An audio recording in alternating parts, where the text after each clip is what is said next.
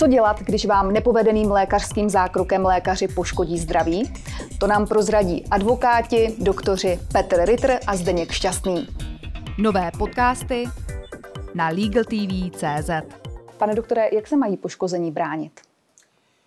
No, eh, poškozený člověk, kterému s největší pravděpodobností lékařským zákrokem byla způsobena nějaká újma, tak by se bránit měl, protože na to zákon pamatuje a e, celkem e, by mohl, mohl e, jaksi vysoudit dost vysoké odškodnění. V každém případě by se měl ozvat co nejdříve, měl by se obrátit na poskytovatele toho lékařského zákroku nebo té lékařské pomoci, o kterém si myslí, že byla mu, byla teda mu poškozeno nějakým způsobem zdraví a měl by začít vyjednávat, vyjednávat o náhradě škody.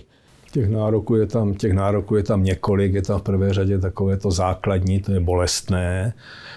A takové to, co s tím souvisí, to je stížení společenského uplatnění. To v případě, že tím zákrokem lékařským, nepovedeným zákrokem, eh, mu to nějak zkomplikovalo tomu člověkovi další život, že mu třeba nemůže jezdit na kole nebo nemůže vykonávat práci, kterou předtím vykonával. Pak jsou tam samozřejmě nároky takové té samostatné věcné škody, jako je poničený, já nevím, oblečení a takové věci, nebo hodinky rozbité, nebo já nevím, prostě věcná škoda i to, že za něm někdo musí potom dojíždět třeba, aby ho odvezl z nemocnice do nemocnice, dovezl mu věci, to je prostě taková ta lehce vyčíslitelná škoda, když toto bolestné a stížení společenského uplatnění, to musí stanovit lékař podle bodového hodnocení, podle metodiky, která byla stanovena. A pak je tam, a to se nejhůř, nejhůř a nejkomplikovaněji teda vyčísluje, to je nemajetková újma. To jsou v podstatě duševní útrapy, kterou ten, které ten člověk utrpěl tím, že tím, tím nepovedeným zákrokem jako takovým. To se velmi těžko vyčísluje, žádné extra přesné, přesné, precizní eh, pomůcky pro to nejsou. Je to v podstatě na úvaze soudu, který musí zvážit, jak závažné ty následky jsou, o jakého člověka se jedná, jestli mladý, starý, žena, muž.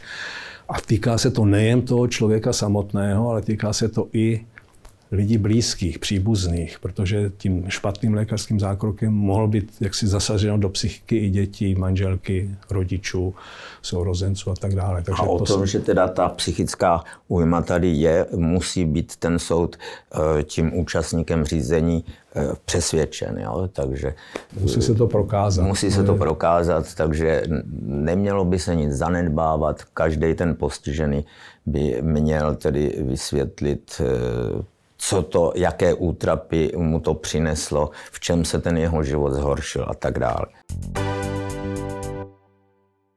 Jak časté jsou tyto situace? Setkáváte se s tím často? Řešíte to? Oni jsou asi stejně časté, jak, jak byly vždycky, ale pravda je, že v poslední době se množí už taková odvaha těch pacientů eh, se těch nároků domáhat. Jako možná je to i médií, kteří se o tom občas objeví něco v tisku, v televizi a v podstatě takové sebevědomí obecně teda asi narůstá. Jako. A lze tyto nároky e, řádně uplatnit bez odborné právní pomoci? To se domníváme, že nikoliv, protože třeba ten zákon, eh, konkrétně občanský zákonník, tam pamatuje na takové újmy, které ani toho poškozeného třeba e, nenapadnou. Jo? Čili je to ne, nepředstavitelně složité. Jako příklad třeba e, můžeme mm, uvést, nebo mě napadá, e, a je to přímo v zákoně zmiňováno, že nejen ten samotný poškozený, ale třeba i jemu blízcí, už o tom kolega mluvil, jemu blízcí mají možnost také požadovat náhradu škody. Třeba se budete starat o svou starou nemocnou maminku, budete to dělat bezplatně, špatně, ale teď najednou utrpíte takový, takový následek, který vám toto eh, velice eh, krásné Eh, právo a povinnost vůči své mamince to znemožní, tak dokonce ten škůdce bude muset třeba platit eh, nějakou odbornou pomoc, která bude tu vaši péči vlastně nahrazovat. Jo? Je, to, je to, tam těch nároků je strašně moc a je tedy, myslím si, že je, nebo bude jenom dobré, když se ten postižený obrátí na nějakou specializovanou právní pomoc. Ono už jenom proto, jakého protivníka v podstatě proti sobě ten člověk má.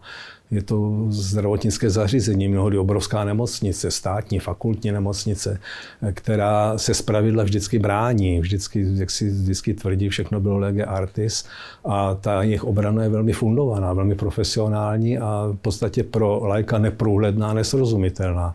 Takže už z toho důvodu je dobré toho, toho advokáta si vzít, protože on má daleko víc možností. V prvé řadě teda si vyžádá zdravotnickou dokumentaci, vyžádá si konzultanta z toho lékařského prostředí prostě má daleko, daleko víc možností a znalostí pro to, aby, aby ty, tu, jak si, tu, tu, tu jeho obranu nějak zastal. A jaká je úspěšnost eh, těchto sporů eh, pro poškozené? No, já, já si dovolím tvrdit, že dost vysoká, že teda eh, spory jsou to náročné, spory jsou to zdlouhavé, ale ty výsledky bývají velice často až tak neočekávaně uh, uspokojivé. Jo, že I ten... pro nás neočekávaně vel, velmi vysoké částky se někdy vysoudí. Mhm.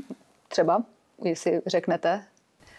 No, tisícové částky, nebo spíš milionové, deset, milionové. Desítky milionů se dají vysoudit, opravdu. Hmm. Jako to je samozřejmě záleží na závažnosti těch následků, ale Dneska už ta judikatura skutečně taková, neustále to v podstatě stoupá. Teda, jako to skutečně stojí za to toho advokáta si vzít a, a bez něho to skoro absolvovat tedy nejde. Jako. Zastupovali jsme proti nemocnici, velké státní fakultní nemocnici, která e, tvrdila, že provedla ten zákrok v pořádku lege artis podle všech lékařských pravidel. A e, jak si náš, náš, náš klient tvrdil, že existuje nějaká směrnice, směrnice té nemocnice, kterou oni sami porušili, že prostě nemohli postupovat, protože sami na to měli nějaké, nějakou směrnici. Soud si vyžádal od nemocnice tu směrnici a nemocnice mu velmi arrogantně odpověděl, že taková směrnice neexistovala, nikdy nebyla. Že nikdy nevytvořil, že to prostě je fáma.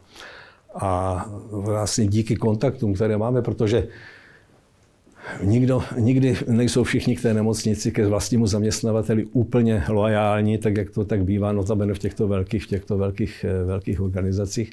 Takže jsme přes jiné zaměstnance v té nemocnici tu směrnici našli a vytáhli tomu soudu jsme ji předložili. To byl obrovský argument a v podstatě celé té obhajbě té nemocnice se v tu ránu přestalo věřit, protože byla usvědčena z takové flagrantní lži teda a vysoudili jsme opravdu milionové očkodné. Teda. Ono to vypadá jako, a tak asi to je taky nevhodné chování ze strany eh, té nemocnice, ale zase musíme vzít v úvahu, že je to účastník řízení a občanský soudní řád prostě dovoluje tomu účastníku řízení se hájit jakýmkoliv způsobem, prostě může třeba i lhát, to je akorát nesmí falšovat důkazy. Takže eh, tím zase tak trochu na omluvu, že ta nemocnice se chovala tak, jak se chovala. No, popravdě řečeno, ty nemocnice jsou trochu do toho tlačeny, do těchto sporů, protože velmi často nebývají dost dobře pojištěné.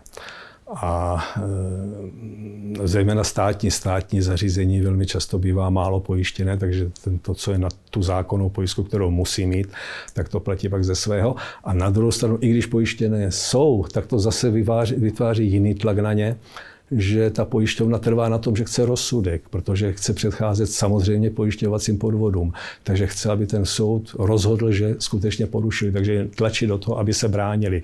Takže mnohdy to není jaksi jenom jaksi neochota té nemocnice očkodnit toho pacienta, ale někdy jsou to i ty objektivní, objektivní skutečnosti.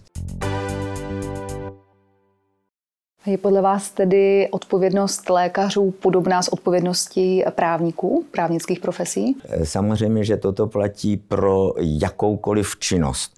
Eh, podle občanského zákonníku i pro lidi, kteří se přímo tou eh, činností neživí.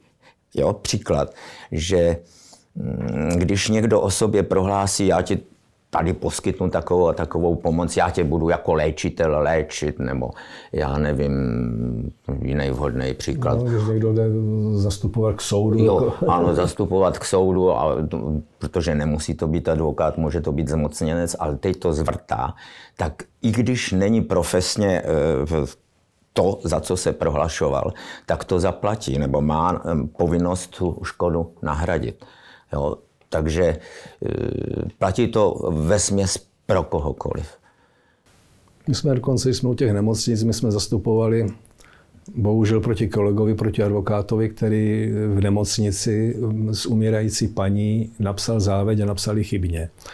A ti dědicové, kteří byli zkráceni potom, a bylo to, byly to velké částky, byly to taky milionové částky, to dědictví, se pak domáhali po něm náhrady škody. A je to přesně ta samá odpovědnost jako těch lékařů, že on skutečně odpovídal po několik letem souzení, to všechno musel zaplatit a dokonce skončil s advokací, protože na to prostě neměl, že prostě skončil v insolvenci. Sebevýznam může být líto, ale prostě to odpovědnost taková je. Abychom se tedy vrátili na začátek, můžete eh, říct nějaká doporučení těm, kteří by se chtěli takto bránit? Asi bychom doporučili, aby dlouho neotáleli a začali teda eh, se bránit co nejdříve. A pro tu nepředstavitelnou složitost těch předpisů, těch nároků, teď ještě vstup do toho soudního řízení případně, tak by bylo asi zapotřebí, aby se obrátili na odbornou právní pomoc a nenechávali to jenom na sobě anebo na nějakém známém, který se živí advokací jenom protože šel třeba, nebo advokací právními službami jenom protože šel kolem právnické fakulty někdy. A říkám, ty nároky jsou fakticky, fakticky jsou tak široké, že mnohdy to toho klienta ani nenapadne. Když už jsme u toho, tak nějakou perličku. Dokonce, když vám veterinář nějak špatně ušetří psa a ten pes vám třeba zemře, to se říká uvčel, zemře, že? Když vám zemře, tak jako panička máte nárok na ty duševní útrapy, které jste trpěla, protože jste měla pejska ráda a tak. To tak, to se v podstatě opravdu bez odborné pomoci nedá skutečně. To je, to je, a je potřeba nenechat se odradit tou prvotní reakcí. Z pravidla každé to zařízení vždycky to odmítne a vždycky sebevědomně a vždycky to vypadá přesvědčivě. Nenechat se odradit, jít si za tím odborníkem, nechat si to prověřit, jestli ta obrana by nebyla možná.